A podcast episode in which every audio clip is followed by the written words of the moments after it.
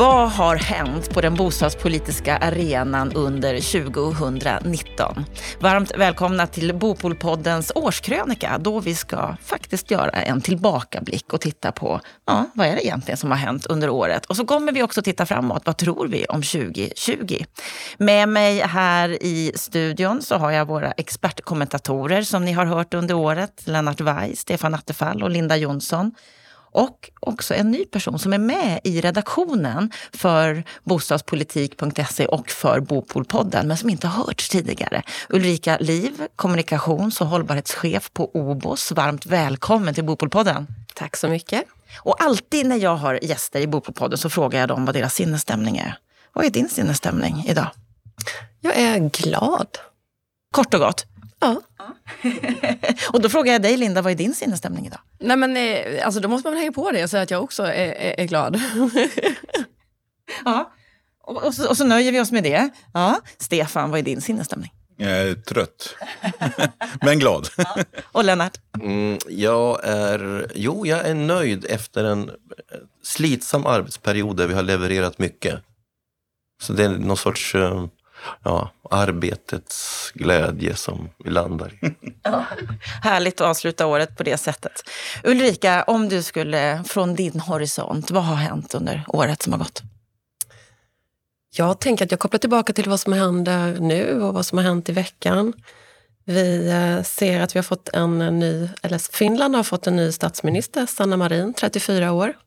Greta Thunberg eh, tar position på klimatmötet i Madrid och vi ser unga krafter som sticker upp och skakar om eh, våra agender. Och jag tror att det är bra eh, för samhället, eh, men också för vår bransch. Vi står inför jättestora utmaningar, både när det gäller bostadsbristen och hur vi får unga och svagare grupper in i ett eget boende och inte minst för dem som ska komma in i ett eget ägt boende. Men jag tänker också kopplat till klimatfrågorna. Vi i byggbranschen står för 20 procent av Sveriges klimatavtryck. Eh, och här måste vi hitta nya vägar framåt. Bland annat genom att bygga mer i trä. Där skulle vi kunna till exempel reducera vårt klimatavtryck i Sverige med 50 procent. Mm. Är det tillräckligt med fokus på de här frågorna tycker du? Eh, vi kan självklart bli mycket bättre. Eh, men eh, vi ser både från regeringsnivå och ute i kommunerna att de här frågorna kommer högre och högre på allas agender. Eh, så jag har gott hopp. Vad tycker du har varit det mest anmärkningsvärda, om man får säga så, under året som har gått när det gäller det här området? Alltså Greta-effekten är ju någonting som påverkar oss alla oavsett bransch. Eh, och det är inte Greta som kommer att göra förändringen, men det får oss alla att tänka till. Sen är det upp till varje land, eh, varje bransch och varje företag att ta sitt ansvar och fundera över vad kan vi göra? Vad är det i vår kärnaffär där vi kan göra med störst förändring? Linda Jonsson, vad ser du har hänt under året som har gått? Mm, nej, men det har varit mycket prat om kreditrestriktioner och det har väl vi eh, bidragit till. Eh, och där kan vi också se att det har skett en del ändå, eh, att man har flyttat på sina positioner. Nu kan man se att både Moderaterna, Kristdemokraterna, Centerpartiet och Liberalerna eh, ifrågasätter kreditrestriktionen. Man funderar kring, ska det göras en översyn? En del säger rakt ut redan nu att man borde slopa en del av de kreditrestriktionerna som har införts och sådär. Och det tycker jag är väldigt eh, intressant. Och så vet vi också att Sverigedemokraterna i alla fall är emot att införa fler kreditrestriktioner. Så det känns som att vi också har flyttat oss just i den frågan. Men nu kan man fråga hur man ska ta det vidare. Om vi nu ser att de politiska partierna då har förändrat liksom sin syn kanske lite på kreditrestriktioner och sådär, så har jag noterat, jag var med i ett panelsamtal för ett par veckor sedan tillsammans med Johan Löfstrand och eh, Ola Johansson från eh, Socialdemokraterna respektive Centerpartiet. Och, och då uttryckte de eh, sig liksom skeptiska till kreditrestriktionerna och sådär, men man tar då kanske lätt till att ja, men det är Finansinspektionen som har infört och så vidare. Och då var jag väldigt tydlig med att det är ju för att ni har gett dem ett mandat och att man behöver ta tillbaka det mandatet och att man har all möjlighet att göra det. Så att eh, från att eh, partierna nu då ställer sig skeptiska och sådär så måste man också se till att det blir ytterligare en förflyttning till att man också funderar kring okej, okay, men vad gör vi faktiskt åt detta? Att man inte gömmer sig bakom Finansinspektionen och sådär. Och det här är en fråga som vi har haft uppe i Bopolpodden många, många, många gånger under året. Och det har kommit många rapporter, många diskussioner kring det här. Vad säger du, Stefan, om just det här ämnet? Nej, men det är korrekt som Linda säger att det sker en, en förflyttning, en förskjutning. Men mot detta ska ju också sägas att vi hade en interpellationsdebatt just nyligen i riksdagen där eh, Ola Johansson från Centerpartiet ställde faktiskt frågor till Per Bolund och där han nästan cementerar fast sig själv i den världsbild som Finansinspektionen har. Han gav inte ens en liten antydan om att han reflekterade över att man kanske borde titta över eller hitta kompensatoriska åtgärder för att hjälpa exempelvis unga eller första gången köpare in på den egna marknaden. Så att det var väl bakslaget möjligtvis till den bild som, eh, som Linda ger. Eh, men eh, det här är ju en fråga som kommer att leva, om man nu får säga, även nästa år. Därför att det här är ju en sak som faktiskt lägger en liten lam hand över mycket av bostadspolitiken just nu. Handlingsförlamning, en lam hand. Är det kört när det gäller den här frågan, Lennart? Nej, det är inte kört, men när eller snarare om man kommer att ändra position så kommer det inte vara av det motiv som vi driver debatten utifrån, alltså det bostadssociala motivet, utan då kommer det att eh, ske till följd av att vi går ner i en lågkonjunktur eller i varje fall får en stark konjunkturavmattning. Den senaste rapporten som Veidekke släppte eh, visar ju väldigt tydligt att kreditrestriktionerna får en stor påverkan på det vi kallar för den reala ekonomin. Den gör att BNP-tillväxten minskar, sysselsättningstillväxten minskar, det får demografiska effekter som gör att, att ungdomar eh, väljer att flytta ut ifrån Stockholmsregionen. Allt det där påverkar samhällsekonomin och när, när det slår igenom på allvar, vi får en tydlig konjunkturavmattning i form av ökande som visar sig i ökad arbetslöshet, då kommer man att backa, men då kommer man att hänvisa till just ekonomisk-politiska argument snarare än, bo, än bostadspolitiska eller bostadssociala. Så att det, det, det dystra beskedet är att bostadspolitiken som politisk fråga fortfarande är stendöd. Jag noterade i dagarna så gjorde SVT, Mats Knutsson intervju, han har gjort det med alla partiledare, och så intervjuade han språkröret Per Bolund. Inte en enda fråga handlar om bostadsfrågor till alltså den person som är ytterst ansvarig för frågorna. Det säger inte, någon, säger inte någonting, det säger någonting om, inte bara om, om eh, politiken utan också om journalistiken.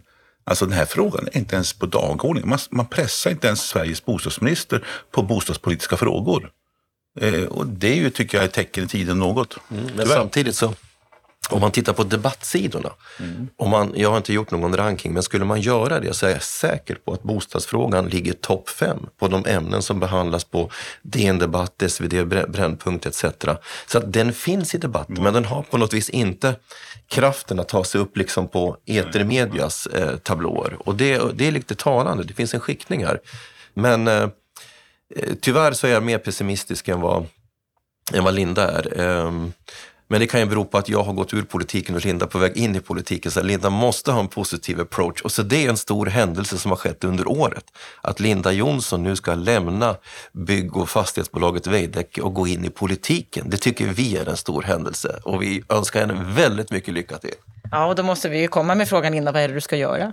Eh, ja, nej, men jag ska eh, börja jobba för Moderaterna i riksdagen som politiskt eh, sakkunnig och arbetar då främst med att utveckla partiets bostadspolitik.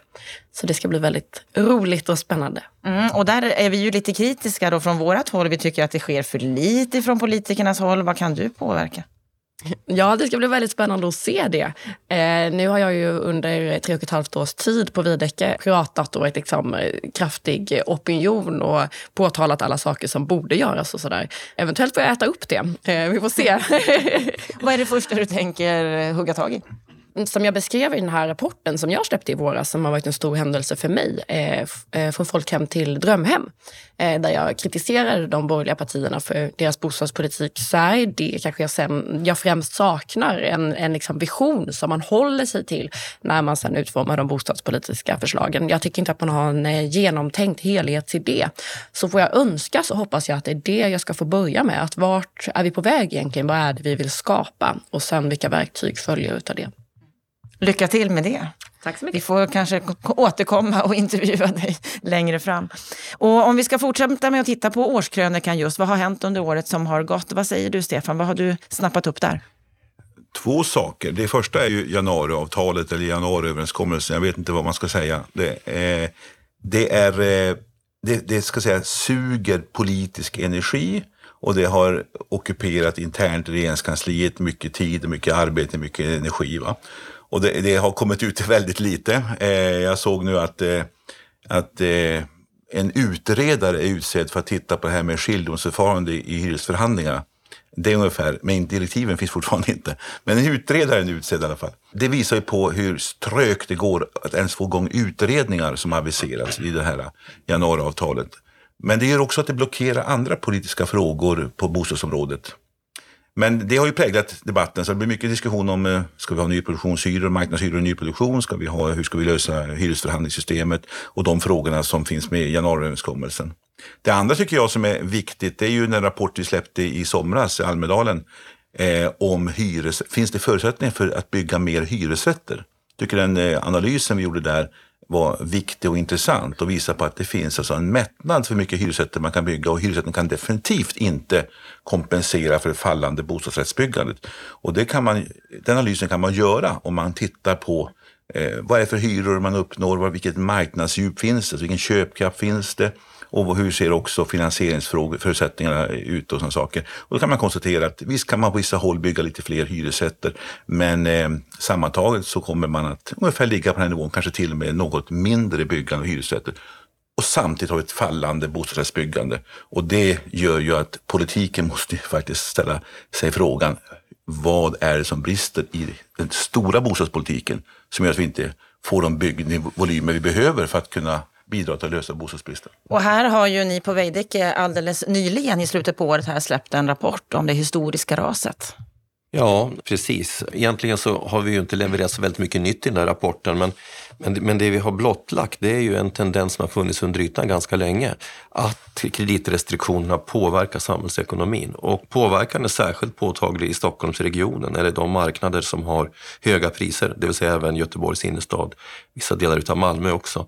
Där är påverkan på ungdomar väldigt stor. Rapporten visade att vi har negativa flyttflöden idag Eh, inrikes flyttflöden från Stockholmsregionen. Fler flyttar ut än in och det är särskilt tydligt att det är ungdomar som flyttar ut. Alltså ungdomar i 20 till 34 års åldern eh, eh, utgör 70 procent av de som flyttar ut och det är ju väldigt allvarligt om man tänker på vilken typ av arbetskraft som företagen söker. Det här är alltså Sveriges starkaste arbetsmarknad. Den glöder. Företagen ropar efter arbetskraft. Det är den här arbetskraften, nyutbildad, välutbildad, som man vill eh, rekrytera. Men de har inte möjlighet att etablera sig i den här regionen. Och det har då fått konsekvenser på den regionala tillväxten som faller väldigt kraftigt. Eh, det gör att eh, eh de här familjerna flyttar utanför regionen och betalar med restid. Jag minns själv hur det var när man var barnfamilj och hade småbarn. Det enda man hade eh, så att säga stor eh, tillgång till, det var brist på tid. Så nu blir tidsbristen ännu mer, de får en väldigt dramatisk livskvalitetsförsämring. Där livspusslet blir ännu svårare att få, få att gå ihop. Och det visar ju hur orimlig den här förda politiken är. Då är vi tillbaka till det som, som Stefan lyfte här med, med att, att det byggs ännu mindre. Vi, vi byggs ju inte ens hyresrätter eh, i den utsträckning som skulle behövas. Vad, vad, vad är era reflektioner och rekommendationer när det gäller det här? Nej, men jag tror att eh, för att vi ska få upp byggandet så måste man dels få en lättnad på kreditrestriktionerna, men framförallt hitta åtgärder som hjälper unga eh, familjer, exempelvis förstagångsköparna. Ta exempelvis de stora grupper invandrare som kommer till Sverige och som har gjort precis det som man eftersträvar, och fått fast jobb och börjat få etablera sig på allvar. Och nu vill de ha liksom en större bostad för sin familj eller en riktig bostad eller kanske det första riktiga eh, ägda boendet. Och så kommer man inte in på bostadsmarknaden. Så man måste hitta lösningar för att hjälpa förstagångsköparna, unga människor. Startlån, hjälpa till med bosparande, hitta de här instrumenten som finns i många länder. Det är ett exempel på åtgärder som skulle kunna underlätta det hela. Sen tror jag också en sak som, man, jag brukar tjata om detta men man glömmer ofta bort i debatten, det är att kommunerna drar nu ned på plankapaciteten därför att byggandet går nedåt. Jag har flera exempel på kommuner nu som skär ner på stadsbyggnadskontoren därför att byggtakten går ner lite grann. Då tror man att man ska spara pengar. Det är ju nu man ska öka plankapaciteten så att det finns lediga resurser, möjligheter. När det kommer en aktör och vill bygga, ja, då ska man bara säga här får du, där kan du bygga, där kan du bygga och där kan du bygga. Men istället drar man ner på kapaciteten. Eh, jag kan nämna flera kommuner som har den korkade politiken i det här läget. Vi kommer inte se någon ökning inom överskådlig tid som det ser ut nu. Ja, jag är skeptisk. Jag tror att vi kommer att få, för vi kommer landa på hyfsade nivåer, men inte alls i de nivåer som behövs utifrån den behov som finns. Men sen måste vi också hitta instrument för att hjälpa människor att kunna efterfråga eh, bostäder. vi måste titta över bostadsbidragen.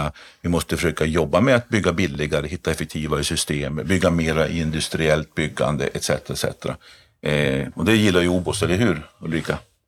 Det gillar vi på OBOS. Vi eh, har ju eh, fyra fabriker i Sverige där vi bygger just industriellt. Mm. Eh, så vi, vi tror verkligen och vi ser att det här är ett sätt att eh, kunna få ner byggtakten, om inte, inte annat, för att få ut mer bostäder på kort tid. Och vi ser en upprepningseffekt i det som eh, jag tror att Sverige behöver. Och många som har varit med i podden har ju just också efterlyst en ökad industrialisering av branschen för att hitta en ökad effektivisering. En spaning som jag tror man kan göra med anledning av, av eh, det här året är att nu sker det en, en successiv omstöpning av branschen. Ulrika pekar på en aspekt, nämligen att man, man försöker standardisera produktionen, effektivisera den och så. Och det rör så att säga själva producentledet utav branschen. Men, men det kommer också att ske någonting när det gäller den andra delen, alltså de, de, de rena projektutvecklarna. De här finansiella förändringarna utav branschen påverkar inte bara hushållen, det påverkar också företagen. Och om några år, när vi ser tillbaka på, på den här perioden, så kommer vi att se, tror jag, att det som sker nu är en lika stor förändring av branschen som på 1990-talet. Då försvann de kooperativa företagen som branschens så att säga, draglok och så kom byggföretagen och tog över tack vare att det fanns en kapitalmarknad som enkelt försörjde den med kapital. Och då kan man säga att kombinationen av billigt kapital och industriella resurser gjorde att man, man, man kunde liksom kliva fram och ta position. Nu kommer fastighetsbolagen kliva fram istället. De som sitter på stora bestånd, starka balansräkningar, de kommer att ha muskler att agera och byggarna kommer att eh, glida tillbaka och få en, en mera, vad ska vi säga, få en andrahands eh, roll i branschen. Om det kommer vara till gagn för bostadsbyggandet och bostadspolitiken eller inte, det återstår att se. Men övergångsvis så tror jag det kommer att fungera återhållande på byggtakten. En spaning till om vi tittar framåt. Eh, jag håller med Lennart här om, om eh, de iakttagelserna. Men det är också att jag tror att vi ser också på de här som utvecklar bostadsrätt eller eget ägt boende så tror jag vi kommer få också en utveckling där man prövar koncept för att hjälpa just unga människor, de som inte har så mycket kapital, att komma in på bostadsmarknaden. Då finns det olika initiativ. Vi har BRF 2.0, vi har HSB Dela, vi har Riksbyggens initiativ där man försöker alltså få ner kapitalinsatsen och så blir det lite dyrare i månadsavgiften istället. Så man har fasta inkomster men man har inte så mycket pengar på, på, på, på fickan när man ska köpa en bostad. Eh, det är sådana initiativ. Eh, men det andra utvecklingen kommer att se det är de här villaägarna, äldre eh, paret som säljer sitt hus och har mycket kapital. De vill ha ner sina driftskostnader. Då tror jag faktiskt ägarlägenheter kommer att få en renässans. Alltså man, man, man får äga hela sin bostad. Man har inga lån i föreningen utan man får ner kostnaden maximalt och sen så äger man sin bostad. Och den är flexibel så man kan hyra ut den när man så önskar. Man kanske åker utomlands och saker. De här lite välbeställda pensionärerna på något sätt. Va? Och där tror jag vi kommer få en uppdelning. För hittills har det varit ungefär, bostadsrätt, ungefär samma koncept. Alla har kört på samma spår. Därför att man har haft fullt upp att göra det och det har gått bra. Men eh, jag tror att vi kommer få mer diversifierat utbud av det ägda boendet. Det är en trend som jag tror vi kommer att se mer av framöver. Har du någon spaning framåt? Vad tror du vi kommer att se mer av åren som kommer? Ja, man kan väl eh, återkoppla lite till det här med januariavtalet och så får man se om jag tror att vi kommer få se mer av det. Det vet jag inte riktigt, men jag tycker i alla fall att det eh, ska bli väldigt spännande att få följa och se hur det går.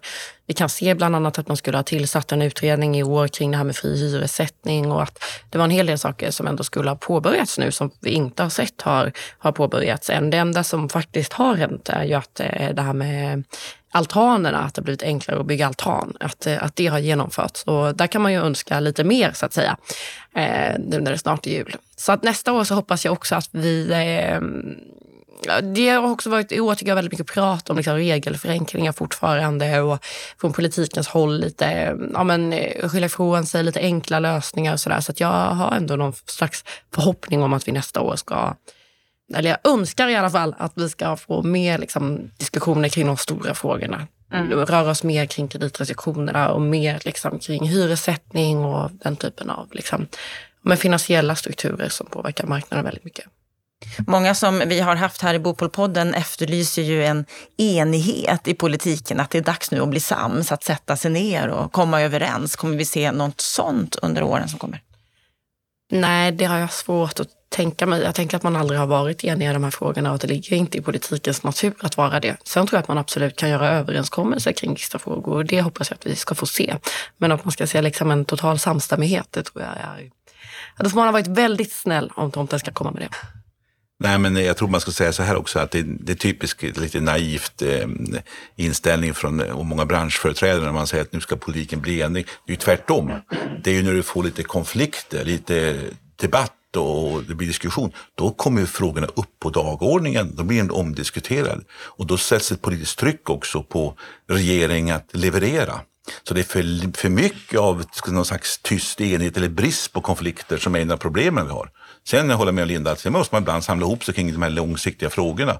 Eh, men just nu så är det ju för lite debatt, det är för lite politiskt språk, det är för lite politiskt engagemang i bostadsfrågorna. Alla på något sätt springer undan frågorna och det är som Lennart sa inledningsvis, det är på debattsidan av branschföreträdare och aktörer som håller på att bostadspolitik. Men bostadspolitikerna diskuterar inte bostadspolitik. Det är det som är problemet.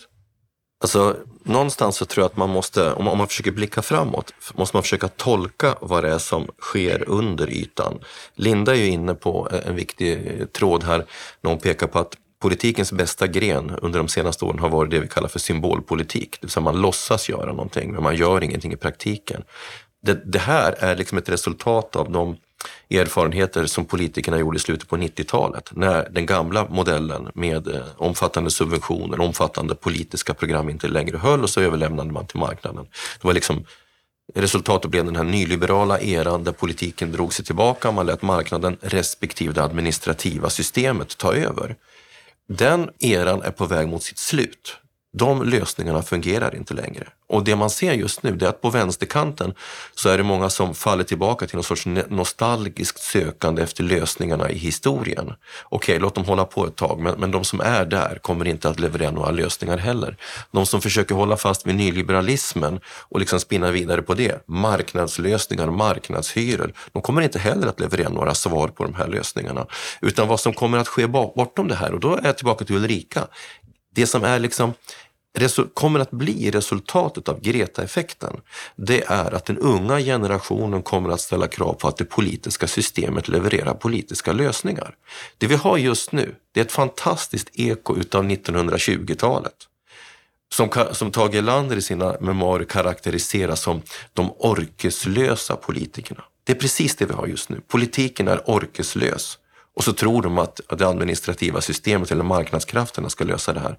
Det som det historien lär oss är att efter en sån här våg så kommer en ny våg där politikerna kommer att ta initiativet. Och det kommer vara den unga generationen som driver fram det. Det är det som är så hoppfullt. Därför så ska vi säga, heja Greta! Håller du med om det Ulrika? Vad har du för spaning? koppla tillbaka till den unga generationen givetvis. Men eh, min främsta spaning under året har väl kanske varit att eh, trygghetsfrågan verkligen har seglat upp på allas agendor. Och det är någonting vi måste förhålla oss till oavsett bransch. Eh, och vi inom bostadsbranschen kan ju faktiskt vara med och bidra på olika sätt i hur vi bygger olika områden. Att vi kanske bygger lite mer blandad bebyggelse än vad vi har sett hittills. Jag tror att vi måste ha ett ännu högre fokus på vad som händer mellan de bostäderna som vi utvecklar, alltså livet mellan husen. Hur tillgängliggör vi för olika grupper att träffas och lära känna varandra? För det är ju just genom mötena och att vi faktiskt vet vilka som bor i våra områden som vi får lite bättre koll på vad som händer och där vi kan ta kontroll. Det kanske låter naivt men jag, jag tror faktiskt att vi måste jobba mycket mer där och, och mm. här tror jag att den unga generationen är också väldigt drivande i de här frågorna. Så att eh, jag har ett jättegott hopp till Greta och hennes generation. 2019 är snart slut. Om ett par dagar då går vi in i 2020. Vad är er främsta önskan för året som kommer? Ja, men min eh, önskan är som sagt eh, mer politiskt ansvar. Att man slutar titta på de enkla lösningarna, sluta skylla ifrån sig och verkligen ja, men, ja, mer politiskt ansvar helt enkelt. En helhetsidé kring detta. Eh, jag instämmer, att både från politiskt håll och från näringslivets håll, att förstå frågorna på djupet. Att inte bara prata om det på ytan, utan verkligen gå, gå ner på djupet och förstå. Vad innebär det att bli klimatneutral, som vi faktiskt har som gemensamt mål till 2045? Hur ska vi nå dit? För så som det ser ut nu, om vi fortsätter att jobba som vi gör, då kommer vi missa det målet totalt. Så här måste vi bli duktigare i att förstå vad det verkligen innebär. Jag hoppas och tror att eh, politiken kommer att lyfta bostadsfrågorna och skapa lite mer alltså egen politik och därmed också lite mer friktion med varandra och därmed det mer debatt och då får vi också tryck på systemet att eh, leverera mera politiska lösningar. Sen eh, hoppas jag och önskar att eh, när man ser en liten avtagande byggtakt i många kommuner så skulle man just göra precis tvärtom vad jag sa tidigare. Man ska rusta upp sina planavdelningar och se till att man har mycket färdiga detaljplaner som inte är alltför detaljerade. Och då har man stora möjligheter att också suga tag i de krafter som faktiskt vill och kan bygga även i en sämre konjunktur. Och då kan man också få fram bostäder som kanske är både billigare och snabbare. Så att, eh, det är min förhoppning på kommunerna i alla fall. Ja, alltså Eh, Linda nämnde ordet politiskt ansvar. Det, det, är ett väldigt bra ord, men då måste det laddas med ett innehåll som jag tänker som tillhör nu den lite äldre generationen. Innebörden i politiskt ansvar för mig handlar om det som har varit politikernas bästa gren under det här långa 1900-talet. Det är att den äldre generationen har tagit ansvar för den yngre generationen. Och, och, den har formulerat lösningar som gör att den yngre generationen minst får samma chanser som de som liksom som är i senare fas i livet. Det är där politikens största svek ligger. De som kliver ut på bostadsmarknaden idag, men även arbetsmarknaden, har i många avseenden sämre förutsättningar än den tidigare generationen. Och det är ett generationssvek som är alldeles kolossalt. Jag, jag kan inte förstå hur man kan se sig i spegeln. Därför att det som ligger i den, hela den svenska välfärdsmodellen, det är att varje generation, män som kvinnor, unga som gamla, ska kunna göra sin livsresa på egna villkor. Vi har liksom inte haft någon kommunistisk föreställning om att dela på brödet och alla ska ha lika lön. Men alla ska kunna göra sin egen livsresa. Det är det samhällskontraktet som håller på att upphävas. Och jag hoppas verkligen som en förhoppning inför nästa år att det där det politiska ansvaret träder till igen. För det här är faktiskt inte särskilt svårt att lösa. Det krävs bara liksom lite klassisk fördelningspolitik, att den äldre generationen delar med sig till, till nästa generation. Hur svårt kan det vara? Det här, det är för mig liksom kärnan i ordet ansvar. Mm, det politiska ansvaret, ökat tryck på klimatet och trygghetsfrågan, att kommunerna ska ta chansen och bygga mer, ja det kommer vi nog att prata om i Bopolpodden 2020 med all säkerhet. Och med det så tackar vi för det här året, för alla 38 program. Det är ju faktiskt så att Bopolpodden har gjort 38 program under året och kommer göra minst lika många året som kommer. Så önskar vi er ett gott nytt år, ett gott slut, ett fantastiskt 2020. Ha det så gott!